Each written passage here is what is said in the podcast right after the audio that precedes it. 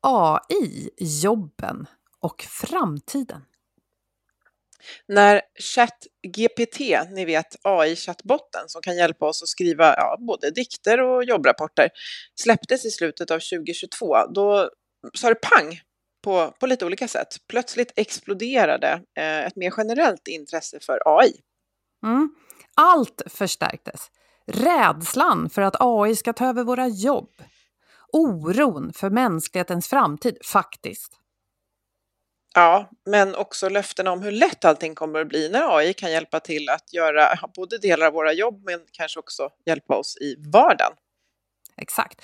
Och vi bad Ann-Therese Enarsson, VD på tankesmedjan Futurion, att komma tillbaka, för hon har varit gäst hos oss tidigare, och hjälpa oss förstå hur AI kommer att påverka och redan idag påverkar oss på jobbet. Mm. Och vi har ju poddat så himla länge så det var faktiskt, eh, och det har gått alldeles för länge tycker jag, så Andreas var gäst, hon var med oss i avsnitt 37. Och då fick vi lära oss att det inte var de så kallade enkla jobben som hotades av AI, det var snarare chefernas. Och det här var, vad var det, fem år sedan Boel? Ja, det är fem mm. år sedan. Och något mm. som jag tog med mig som jag tyckte var så intressant också var att, att eh, Andreas berättade att det var läkarnas jobb som snarare var hotade inom vården än sjuksköterskornas.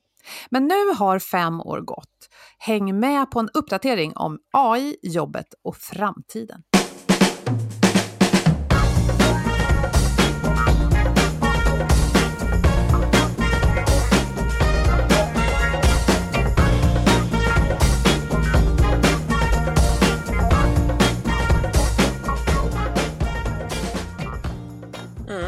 Och det får du göra i vår podd som heter Health for Wealth, där vi då, ja, som sagt i över sju år faktiskt, har poddat om hälsa på jobbet. Eftersom människor som mår bra kan prestera bra. Mm. Och för att må bra behöver vi goda samarbeten, rätt resurser, handlingsutrymme och trygga ledare som har tid att leda. Och i podden tar vi ett helhetsgrepp på hälsan på jobbet. Vi är Ann-Sofie Forsmark. Jag är hälsostrateg, ledarskapskonsult och driver organisationen Oxigroup. Och Boel Stier som jobbar med kommunikation och marknadsföring. Varje vecka delar vi inspiration, idéer och tips för ett bättre och mer hållbart arbetsliv. För dig som är chef, ledare, jobbar med HR och alla medarbetare såklart. Och nu så, varmt välkommen tillbaka Ann-Therese! Ja, tack så mycket. Roligt att få vara tillbaka.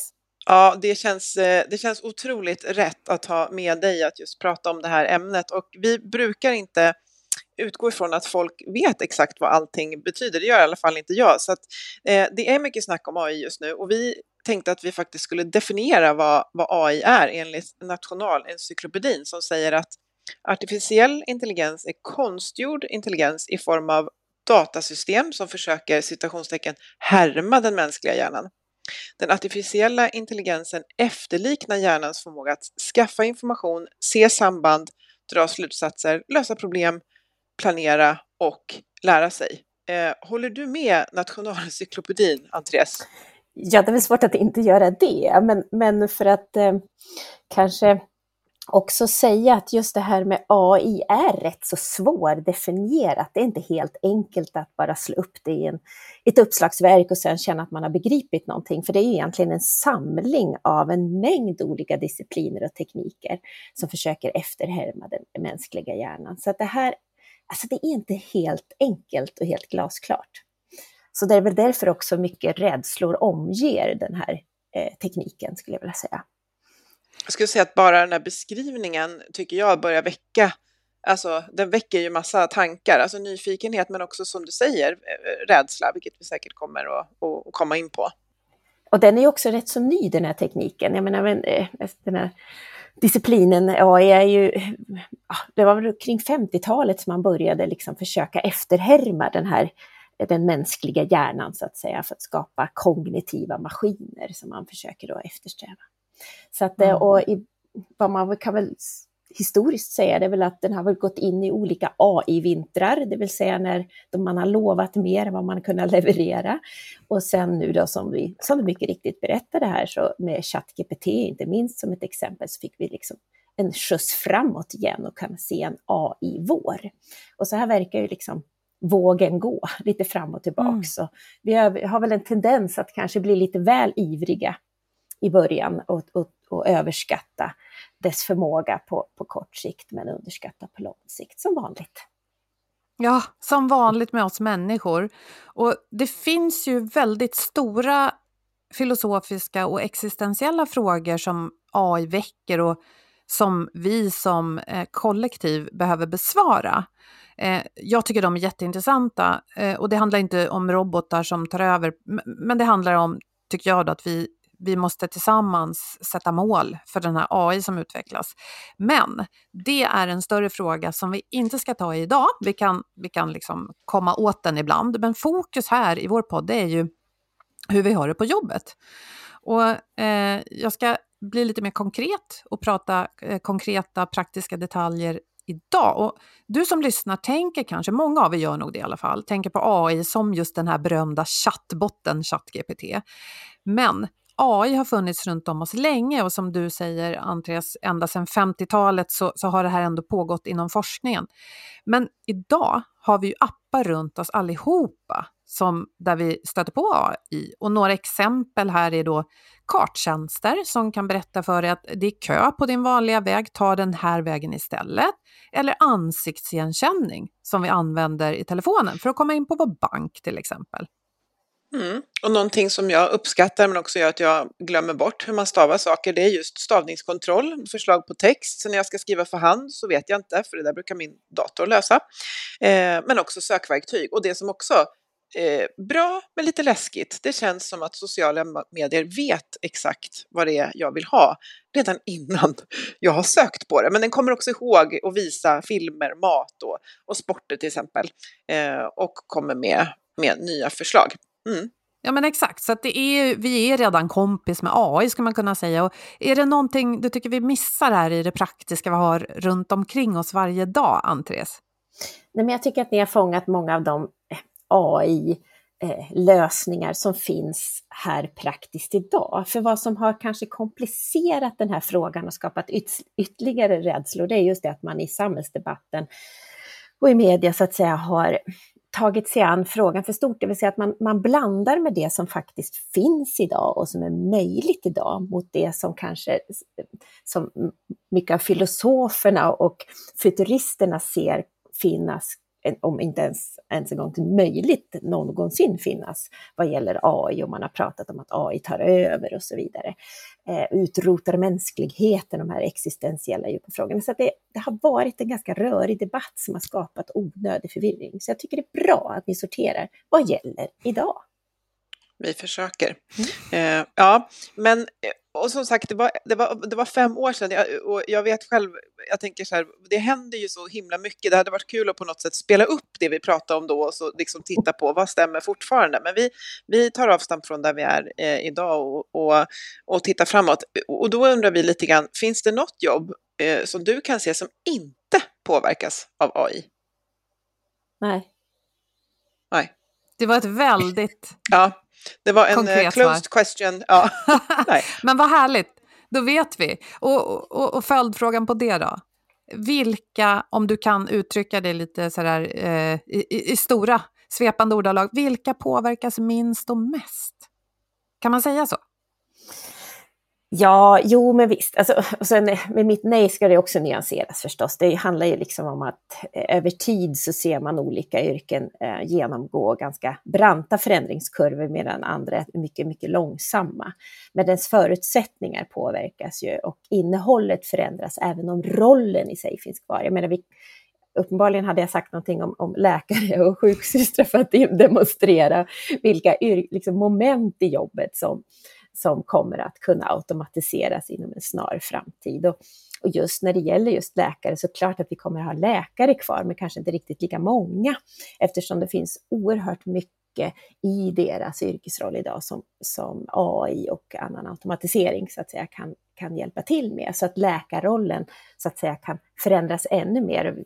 Man pratar ju mycket om att den blir ännu mer så att säga samrådande med mer tid med patienterna etc.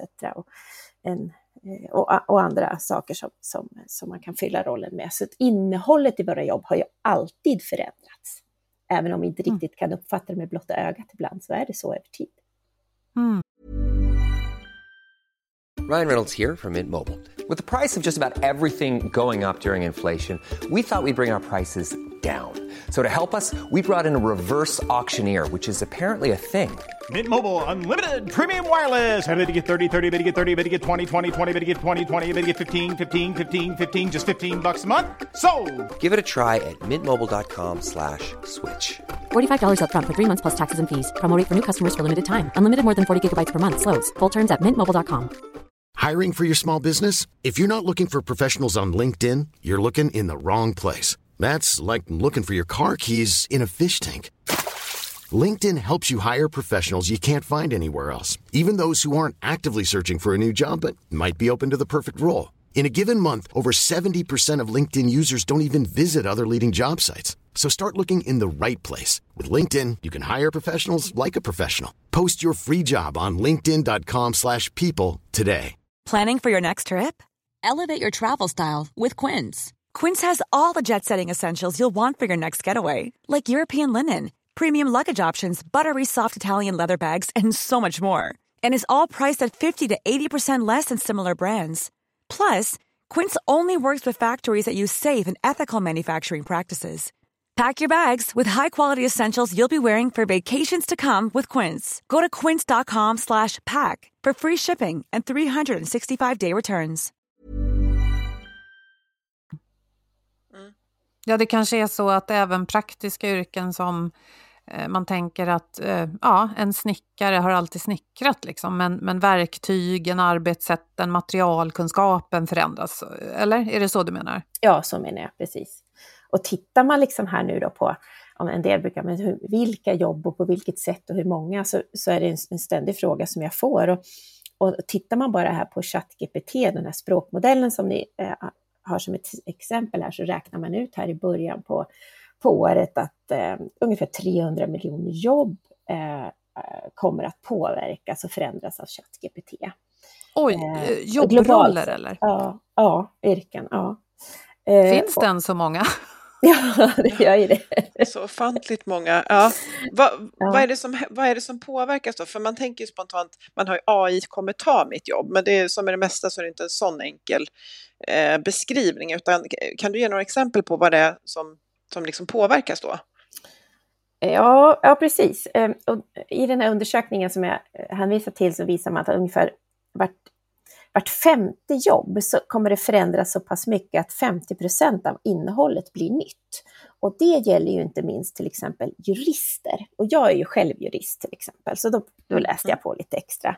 Att kan det verkligen vara så? Ja, men om man är en så kallad biträdande jurist till exempel så handlar det mycket om att söka information och sammanställa eh, texter och, och extrahera. Så, och det är det som ChatGPT till exempel gör enormt snabbt och med hög precision till exempel. Och andra slags språkmodeller förstås som man bygger vidare in, in på de juridiska områdena. Eh, och avtalstexter går ju att konstruera oerhört snabbt nu för tiden. Ehm, och, ja, så att just de typiska yrkena där du hanterar och bearbetar mycket text, Eh, så har du fått ett oerhört vasst verktyg i dina händer. Vi ser ju redan idag i kvällstidningar som Aftonbladet Expressen till exempel att mängder av artiklar har författats och sammanfattats med hjälp av de här AI-modellerna. Så att eh, jurister är ett typiskt sådant jobb som påverkas av eh, ChatGPT-modellerna. Sen är det ganska snabbt, om man tittar och om, om man har latchat lite grann med de här modellerna så kan man ju se att översättningsjobb till exempel, du kan klistra in långa dokument eller mer eller mindre böcker och få dem översatta på, ett på några sekunder. Mm. Sen, sen är det många som säger att ja, men det innehåller inte samma kvalitet och nyansering. Nej, inte idag nej. men på, över tid så kommer de här modellerna bli mycket, mycket bättre. Men idag så behöver absolut en handpåläggning för att liksom, eh, det, det mänskliga är fortfarande överlägset naturligtvis, men vi har ju ökat produktiviteten i de här slags arbetsuppgifterna ökar ju enormt med de här verktygen. Så översättningsyrken påverkar starkt, förutom jurister då, transkribering, tal till text. Ja, Enormt det är det ju ingen som behöver göra längre nästan. Nej, nästan inte. Och jag har gett exempel på journalistiska texter, med copytexter, contentansvariga har ju fått mm. ett vasst verktyg i sina händer. Men också kundtjänst av olika slag. Kundtjänst, eh, alltså service, att kunna svara på de mest eh, vanliga frågorna, en, mycket mer effektiv och produktiv kundtjänsthantering. Men också HR, Ja, det är många. Alltså det är svårt. Jag kan sitta här till imorgon bitti och rabbla upp alla yrken påverkas i olika, i olika aspekter. Jag tänker det som var så intressant var, du, du, om jag går tillbaka till exempel till copy, då sa du att de har fått ett, ett vasst verktyg i sina händer och jag mm. tänker det är det som är intressant att, att har jag blivit ersatt? Är jag obsolet? Behövs jag inte längre? Eller eh, blir det att men här har jag fått ett verktyg som gör att jag kan använda min tid och min tankekraft till. Jag ser det lite mer som att man kommer upp lite mer strategiskt och liksom låter det handgripliga liksom skötas av AI. Att där är ju något intressant om man känner sig hotad liksom, till mm. sin roll. Mm. Jag skulle, eh, alla som, då, som har eh, dylika yrkeskategorier då, liksom som innehållsproducenter som, som, som vi pratar om här. Jag skulle vilja säga att, att det är ju snarare så att man brukar säga när det gäller det här, att det är snarare någon annan som har lärt sig använda verktyget som kommer ta ditt jobb, än mm. att det är AI-verktyget i sig. Eh, men det är klart att det, nog kommer det effektivisera bort en, en del jobb, det, det, kan man inte komma ifrån. Det försvinner jobb på arbetsmarknaden varje år, det har det alltid gjort. Eh, och, och, det är väl mycket som pekar på att det kommer fortsätta göra det i, i den här aspekten. Men det viktigaste det är att man faktiskt lär sig att använda de verktyg som gör en bättre på jobbet. Det är vår både skyldighet och möjlighet, tycker jag. Mm. Ja, eh, får, jag mm. får jag hoppa in där? Mm. För att jag tycker att det är intressant. Jag har eh, tills alldeles nyligen haft en roll där jag bland annat var copywriter i sju år.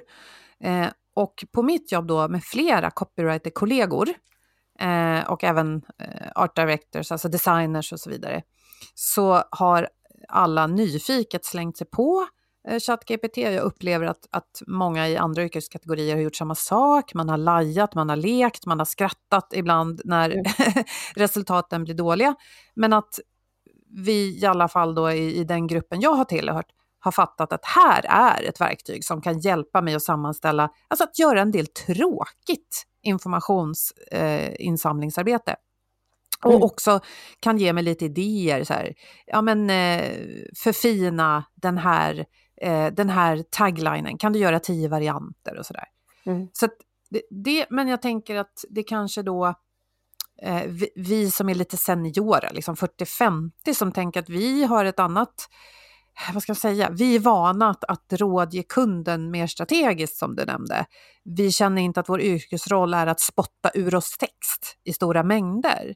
Men den som är med i junior, som har haft den typen av roll, kanske måste hitta en annan väg in till att bli den där strategen idag, kan jag tänka mig. Mm.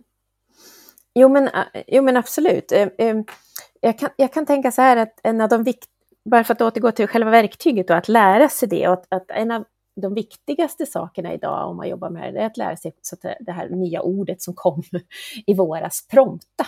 För det här verktyget, ja, det har massa felaktigheter och brister, självklart.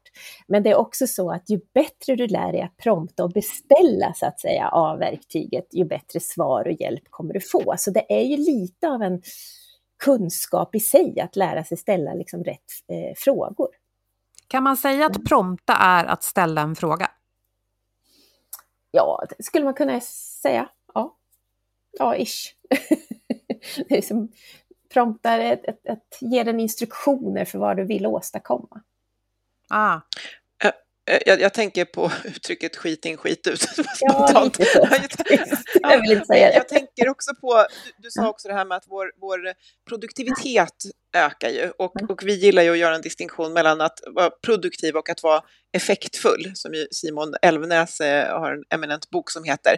Och, och jag tänker också med vår liksom överbelastade hjärna att jag tänker, jag tänker spontant, det finns en risk liksom att vi, vi kan ju producera så mycket mer. Vi kan producera, om man tänker då från ett journalistiskt perspektiv, eh, kan jag göra tio artiklar när jag vanligtvis egentligen skulle göra en. Vi måste ju kunna liksom, ta till oss och konsumera allt det här som AI också kan producera om vi tittar på det. Mm. på det. Så att du, det, du kommer ju till det också, eller du är inne på det med att vi, vi måste förstå hur vi ska använda det här verktyget så att det skapar värde, Mm. eh, inte bara mängd. Mm.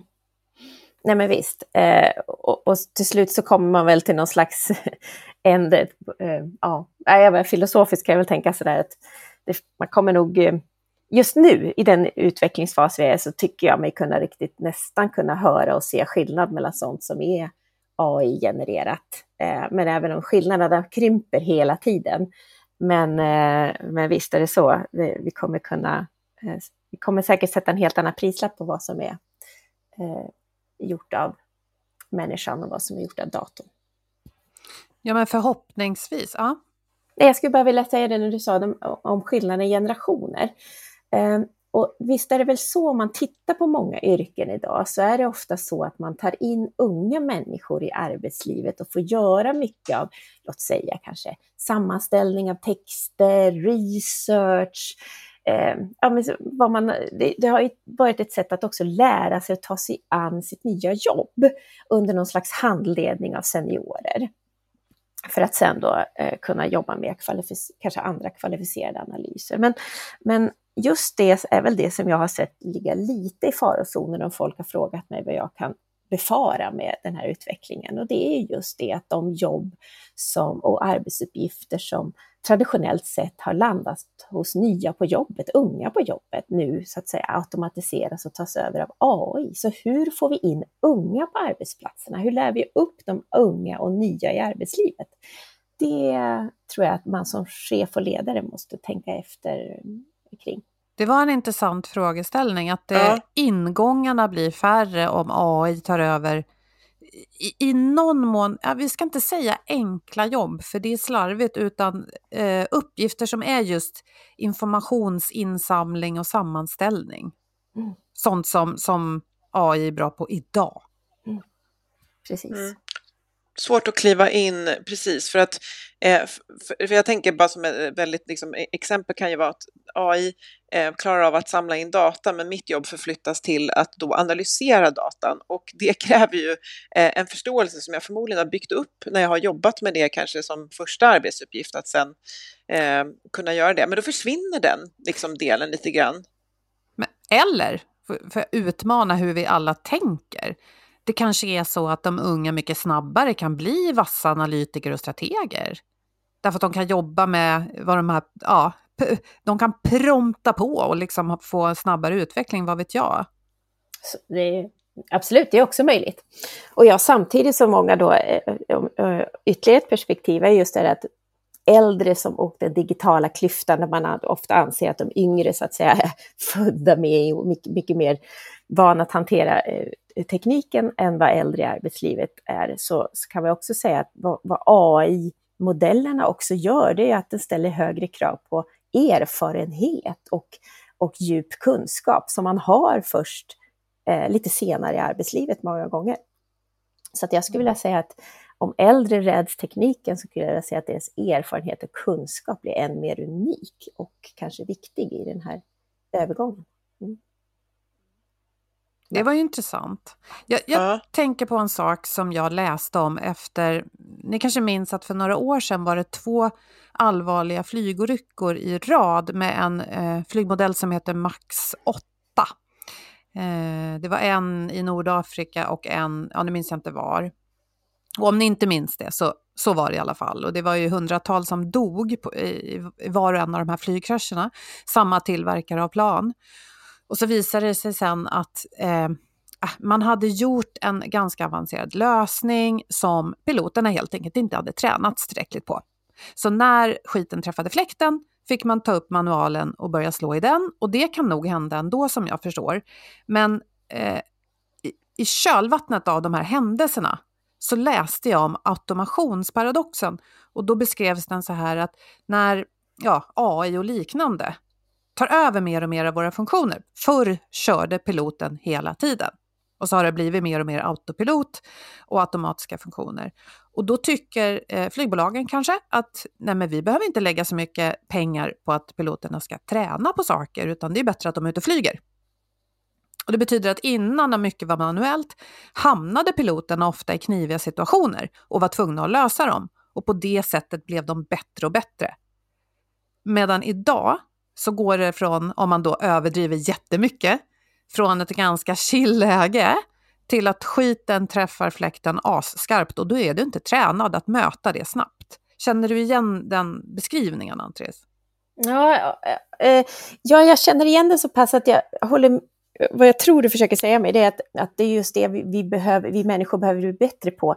Det är just att träna vår kreativitet hela tiden och kunna hantera oförutsägbara situationer. För vad AI-modellerna gör, det är egentligen hantera kända data och kunna Just prediktera det. den. Så att de kan ju bara det som redan finns, situationer som redan har uppstått. De kan ju inte hantera i, dag, i dagens läge helt oförutsägbara nya situationer. Det som vi människor är blixtsnabba på att kunna hantera, om vi tränar den förmågan. Den får inte bli liksom det är det som är fortfarande vårt stora, vår stora fördel eh, som varelse, det är att vi har en enorm kreativitet och, och, som vi kan så att säga duktiga på att fortsätta träna oförutsägbara situationer.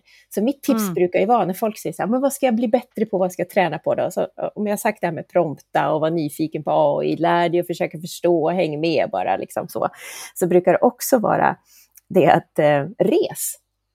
Eh, mm. Träna på oförutsägbara situationer. Mm. Eh, resor är ett ypperligt sätt att göra det på. Möt nya människor i nya situationer, på nya platser. Eh, så det, det är ett ypperligt sätt att träna sin framtidsförmåga. På, på förmågor då som kommer att efterfrågas länge ja. än helt enkelt. Vad intressant! Ut och res unga människor! Mm. Så... Vilken härlig, liksom, vilket härligt resultat av att rusta sig för AI. Liksom, nej, men det, här är, det här är en ren investering för att vara redo för när AI tar över. Jag är ute och reser, ja. underbart. Ja.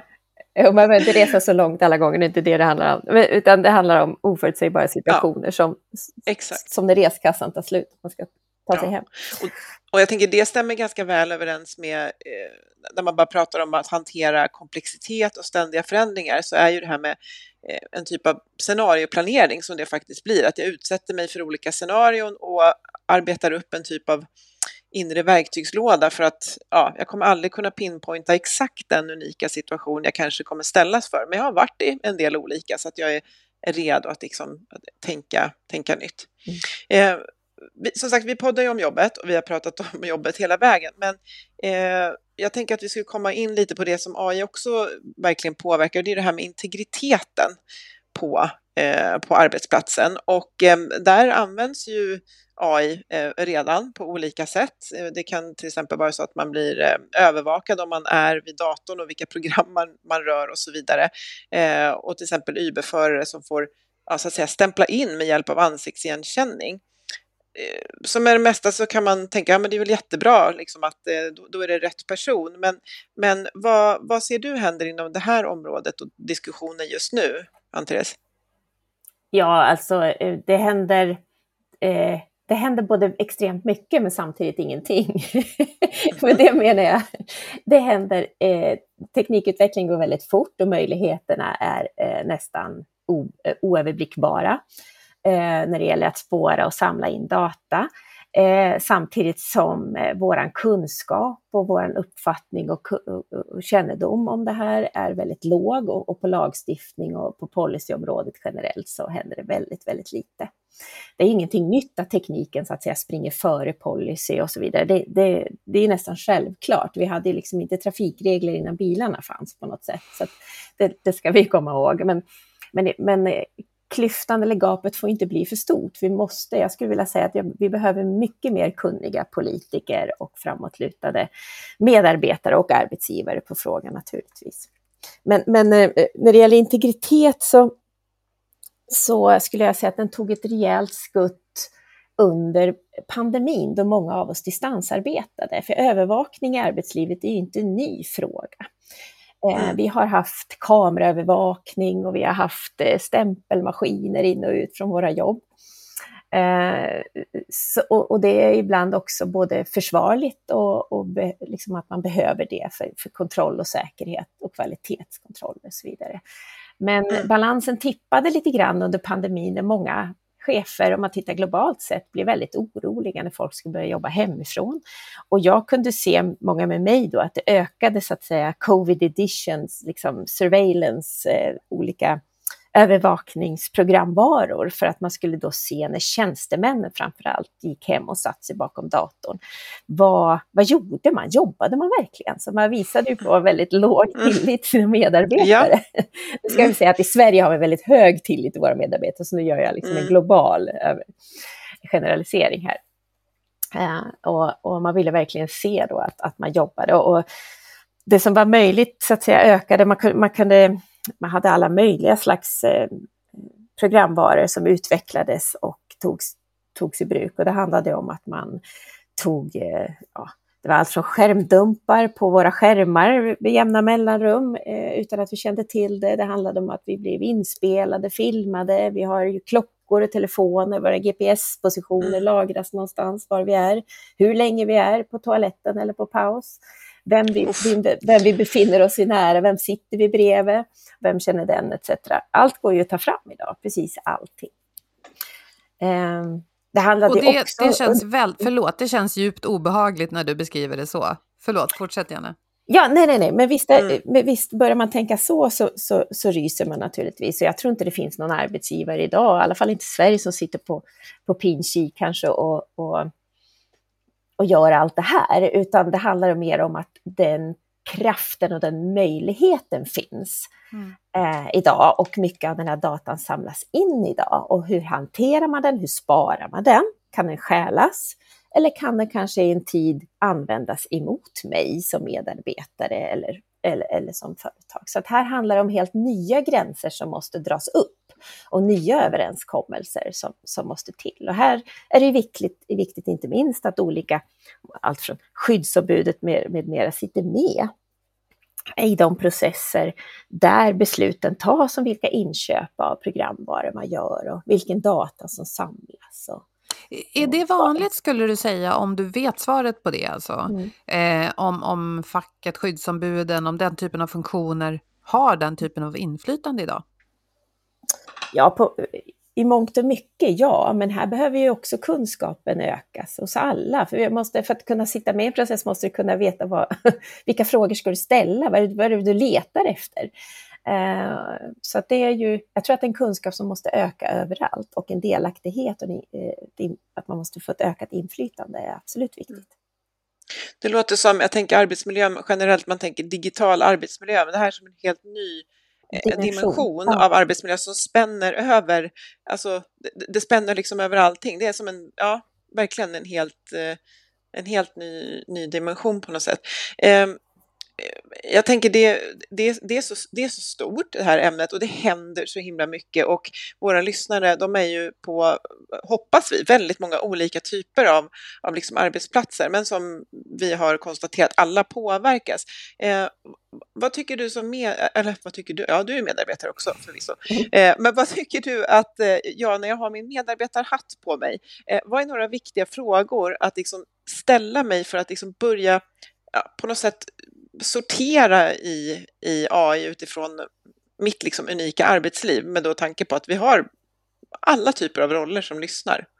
Ja, men då, då, har vi lämnat integritet, tänker jag. Så att säga. Det handlar inte om integriteten då, utan det handlar om mer generellt om hur jag tar mig an AI. Ja, precis. Och, men även att absolut, om det känns väldigt viktigt, tänker jag att det kan också vara ja, om det går att få med det, liksom, det kanske är en viktig fråga liksom, också. Men, men när man liksom tänker det här är så stort och jag, jag vill ju förstå, jag vill ju som du var inne på lära mig eh, att dra nytta av AI, inte bli överkörd av det som någon mm. mangel. Mm. Nej, men för det första, ur ett integritetsperspektiv och teknikutveckling så skulle jag säga att i dagsläget så skulle jag råda alla att, ha en, en, att inte använda sin tjänstetelefon privat och att också ha, att man drar isär eh, de, de, de verktyg man har, om man har en arbetsdator mm. etc. Då har du en privat dator. Alltså man, man liksom blandar inte det där. Mm. Det tycker jag är mm. en, en, en viktig sak att, att, kunna börja med. Det är ganska basics, men tyvärr så är det eh, så att många blandar allt för mycket fortfarande. Sen när det gäller AI så tycker jag det här med att, att kunna liksom eh, våga, bottna, liksom våga vara nyfiken och följa med och, och, det är ingen som har det svaret, ingen som riktigt vet hur det ska bli, men att just våga, eh, våga diskutera. Jag skulle säga att ett råd för mig är att, att man inför så att säga, systematisk omvärldsspaning i sitt team eller sin grupp eller på sin arbetsplats. För det eh, bygger ju liksom in inte bara ny kunskap, man tränar flexibilitet och bygger liksom resiliens i sin arbetsgrupp eller, eller på sin arbetsplats framåt mm. generellt, för man blir liksom inte överraskad över, över olika saker, utan man tränar scenarioplanering och en systematisk omvärldsanalys. Det tycker jag, då, då har man kommit väldigt långt. Mm. Mm. Och då måste man ge tid och plats åt det förstås, för det ryms ju ja. sällan i, i ens vardag idag att sitta och och, och, och spåna fritt som en del skulle tolka det som. Va? Men man måste förstå att det är ett högre värde på sikt. Det bygger också in trygghet på arbetsplatsen och hos medarbetarna. Det får man liksom mm. inte underskatta som chef och ledare. Att, att ge tid till scenarioplanering och omvärlds, systematisk omvärldsanalys i sina team, det bygger in en långsiktig trygghet på arbetsplatsen. Ja, jag tänker att man kan ju ge tid både åt att laja med ett nytt verktyg som ChatGPT. Nu är det inte jättenytt för alla, men för många fortfarande. Att bara leka lite, testa och känna, klämma och, och se och, och, och, och, diskutera vad man ser för möjligheter och kanske fallgropar. Och, och sen en annan fråga är väl det här med teknik och övervakning, mina rättigheter, integritet. Att föra en diskussion om det också. För det är ju, ja men till exempel som du säger där Andreas, att Många blandar, jag blandar friskt kan jag ju säga. Och jag tänker också mm. att tyvärr blir det ju då dyrt att hålla på sin integritet. För att man måste köpa ytterligare en dator och en telefon. Så det är, det är en utmaning. Men oavsett hur man gör då så kan det vara värt att, att ställa frågor till sin arbetsgivare och kanske i teamet. Utan, ja, det behöver ju inte vara nödvändigtvis ilsket eller aggressivt, men jag vill veta vad det samlas in för data om mig och hur går det till egentligen? Alltså, för sen kan ju chefen säga att men jag sitter ju inte och tittar på er. Nej, nej, men kan du det? Skulle en annan chef kunna det? Mm. Mm. Precis. Mm. Absolut, och, det här, och det är ju, då är det ju inne också på det samhällsperspektivet som är kanske lite taskigt av mig att slänga in, men det handlar också om den övervakning av medarbetare, eller medborgare skulle jag säga, ja. inte bara medborgare, utan vi har en ökad övervakning av våra på våra offentliga platser, det handlar om kamera och avlyssning och så vidare, ofta i vällovliga syften för, syften för att beivra brott och så vidare. Men här behöver vi också en samhällsdebatt på vad är rimligt att spara för data på, när det gäller våra medborgare som mm. kan an, en dag användas emot oss enskilda. Och, eh, ja, så det, det här är, eh, det, det, är dyrt med integritet, men det är, det är den vi har. Mm. Ja, och vi behöver ja. ibland fatta svåra beslut. Det är lite som du säger då, det, det hjälper oss att beivra brott att vi har en kamera på den här tunnelbaneplattformen. Okej, okay, bra. Det blir väldigt svårt att argumentera mot. Nej, men jag vill inte bli filmad, så jaha, du vill inte att vi ska kunna klara upp ett brott som händer här? Eller? Ja, mm. då skulle jag ju kunna säga så här, nej, jag skulle önska att det alltid fanns eh, två vakter som faktiskt gick, gick här jämt. Mm. Alltså, det finns ju alternativ. Och det är mm. också det här att så fort vi inför så fort vi tillåter en viss typ av teknik mm. eh, då är det väldigt svårt att rulla tillbaka den. Jag menar, hur ska det bli i Kina där man får sociala poäng eh, baserat på beteenden som, som är ju baserat på övervakning? Alltså, vem kommer att dra tillbaka det? Mm. Ja, det är läskigt. Mm. Det var ingen fråga, det var bara ett konstaterande. Ja. Är det någon som nappade och vill mm. ta upp en tråd? Ja, men jag tänker att eh, centralt blir verkligen, jag, jag gillar verkligen det här som du är inne på, vi behöver allokera tid eh, under arbetstid för att utforska det här. Vi kan säkert dela upp det mellan oss. Du kollar upp det och så återkopplar vi. Eh, men nej men gud, nu tappade jag vart jag ska. Men jo, men precis tillbaka till att vad är syftet med allting? Nu när vi kan göra, mm. man kan göra det här nu. Ja, vad spännande, men är det relevant för oss och varför lägger vi till det? Och att se det lite som att har vi öppnat dörren till någon typ av teknik så är det väldigt svårt, som du säger Boel, att, att nej men nu, nu, tar vi bort det och backar tillbaka. Mm. Att det finns massa goda men även kanske onda syften som kan springa igenom den där tekniska dörren vi öppnar. Och det är väl där man hoppas att eh, organisationer, eh, organisationer, människor på organisationer som har förmågan att påverka det här eh, verkligen jobbar med det, precis som man behöver göra med andra frågor med väldigt tydligt syfte, transparens och en delaktighet. Och att också eh, alltså det, det, här arbetsmiljöperspektivet, det här är en jättestor arbetsmiljö arbetsmiljöfråga. Mm. Mm, visst är det så. Nej, men så, absolut så behöver vi en, en, både naturligtvis på våra jobb men också i samhället den här debatten om vad vill vi AI ska lösa för problem. Mm. Eh, ja. Så, så det, den hoppas jag ska få än större plats eh, framöver när vi har, när vi har liksom slutat begeistras av enskilda verktygs liksom, snabbhet och förmåga att sammanställa information, vilket vi gjorde mycket under våren så att säga. Vi skulle nästan tävla i och det fanns ju Facebookgrupper där man bara satt och la upp exempel på vad den kunde liksom göra och alla var sådär, oh titta, det var som en, cir en cirkus vi satt och applåderade till. Så jag hoppas att när det, när det lugnar sig lite så, skulle vi, så behöver vi ta tag i de stora frågorna. Men vi behöver också se vad som, vad som händer när vi för in de här eh, slags verktygen, och vi återgår då till möjliga konsekvenser av ChatGPT. Eh, det är ju, på lång sikt så innebär ju det att det kan ju finnas en risk att vissa yrken kommer att ha svårt att, få högre lön till exempel. För att mm. om, det, om man får ett verktyg som fantastiskt, som demokratiserar som den ändå gör, det vill säga att möjliggör för fler att bli lite bättre på sitt jobb. Då är det fler som har möjlighet att bli ganska bra på sina jobb. Och då vet vi vad som brukligen brukar hända med löner, det vill säga att de stannar av eller liksom till och med mm. sjunker när det är fler som, så att säga, konkurrensen om, om just det jobbet så att säga, ökar. Så det, det, är en möjlig långsiktig konsekvens för vissa yrkesgrupper. Medan så andra yrkesgrupper som kan lära sig då prompta och så att säga eh, styra de här modellerna, vad man vill ha ut av dem, kommer få möjlighet att bli ännu mer specialiserade på det de redan gör och dra ifrån ännu mer. Mm. mm. Så att det här, det här, därför är det så viktigt att följa den här långsiktiga utvecklingen och laborera med lite olika scenarier också. Så att, att jobba just med arbetslivsfrågor är ju bland det mest häftiga man kan göra just nu tycker jag. Ja. Jag är inte alls, mm. jag är inte alls bias. Inte alls partisk i det här.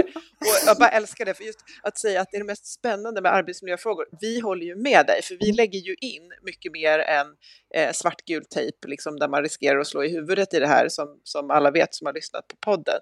Eh, det är jätteintressant. Jag var inför det här samtalet lite rädd att jag skulle bli mer skrämd. Jag, jag är fortfarande lite AI-skrämd och vi kommer komma tillbaka till ämnet flera gånger, men jag känner mig faktiskt, eh, eh, och jag hoppas våra lyssnare gör det också, lite rustad att eh, att, att vad ska man säga, ta i det här, det går ju knappt, men att jo, att ta i det utifrån den organisation man är i och det syfte man har och, eh, och jobba med det. Men som säger, det krävs eh, lyhördhet adaptivitet. Det krävs att vi avsätter tid så att inte det här är något som ska behöva ske eh, lite spontant på egen kammare. För då, det räcker nog inte. Ja, och precis, det här är ett jättestort ämne. Tack för att du bröt ner det för oss, Ann-Therese. Och mm. eh, jag, lärde, jag tar med mig det här med att prompta, för det var nytt för mig. Att lära sig att inte bara ställa frågor, utan som du sa, att ge instruktioner åt en maskin. Mm. Att det är en viktig kompetens. Nu ser vi de första prompting, eh, prompting engineers så att säga efterfrågas på arbetsmarknaden, så det är ett nytt jobb. Ja, just det. Mm. Och där kom ett nytt jobb då medan ja. något annat försvann. Så ja, så har det nog alltid varit och kommer fortsätta. Och en vacker dag kanske vi beskattar AI då. Eh, och det tar vi... det blir vi ett på. annat avsnitt. Men tusen tack för att du kom, Ann-Therese. Det känns inte som att man någonsin blir klar med de här frågorna, så att eh, vem vet, om några år igen så kanske vi spanar på exakt samma sak. Hoppas det. Ja, mm. det blir väldigt intressant att höra vad vi pratar om då. Kanske ha med oss en AI-poddgäst som tolkar oss och gör det tydligt på olika språk. Vem vet? Vem vet? Jag gillar fortfarande det här eh, digitala men väldigt mänskliga formatet som vi agerar inom nu. Tack så jättemycket Andreas för att du var med oss idag och som sagt vi eh, återkommer troligtvis till det här ämnet med lite andra infallsfrågor, eller hur Boel? Ja, absolut. Och tack också mm. till mm. dig, Ayat Albansor på Hayat Sounds för produktionen. Du som lyssnar, eh, ge oss jättegärna en recension i, ja, vi kallar det för iTunes ibland, eller Podcaster-appen. Jag tror att du vet vad jag menar. Eh, eller i någon annan app där du lyssnar. Och så snacka gärna med oss på LinkedIn, där vi är aktiva. Så hörs vi om en vecka igen. Det gör vi. Må så gott. Hej då! Hej då!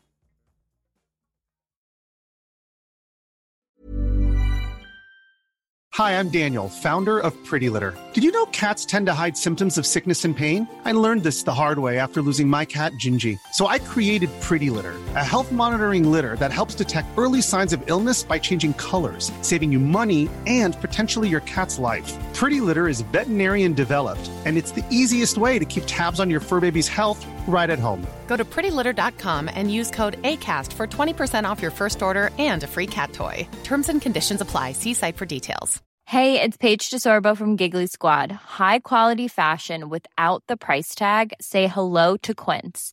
I'm snagging high end essentials like cozy cashmere sweaters, sleek leather jackets, fine jewelry, and so much more. With Quince being 50 to 80% less than similar brands and they partner with factories that prioritize safe ethical and responsible manufacturing. I love that. Luxury quality within reach. Go to quince.com slash style to get free shipping and 365 day returns on your next order. quince.com slash style. Ever catch yourself eating the same flavorless dinner three days in a row? Dreaming of something better? Well hello fresh is your guilt-free dream come true baby. It's me kiki palmer Let's wake up those taste buds with hot, juicy pecan crusted chicken or garlic butter shrimp scampi. Mm. Hello Fresh. Stop dreaming of all the delicious possibilities and dig in at HelloFresh.com. Let's get this dinner party started.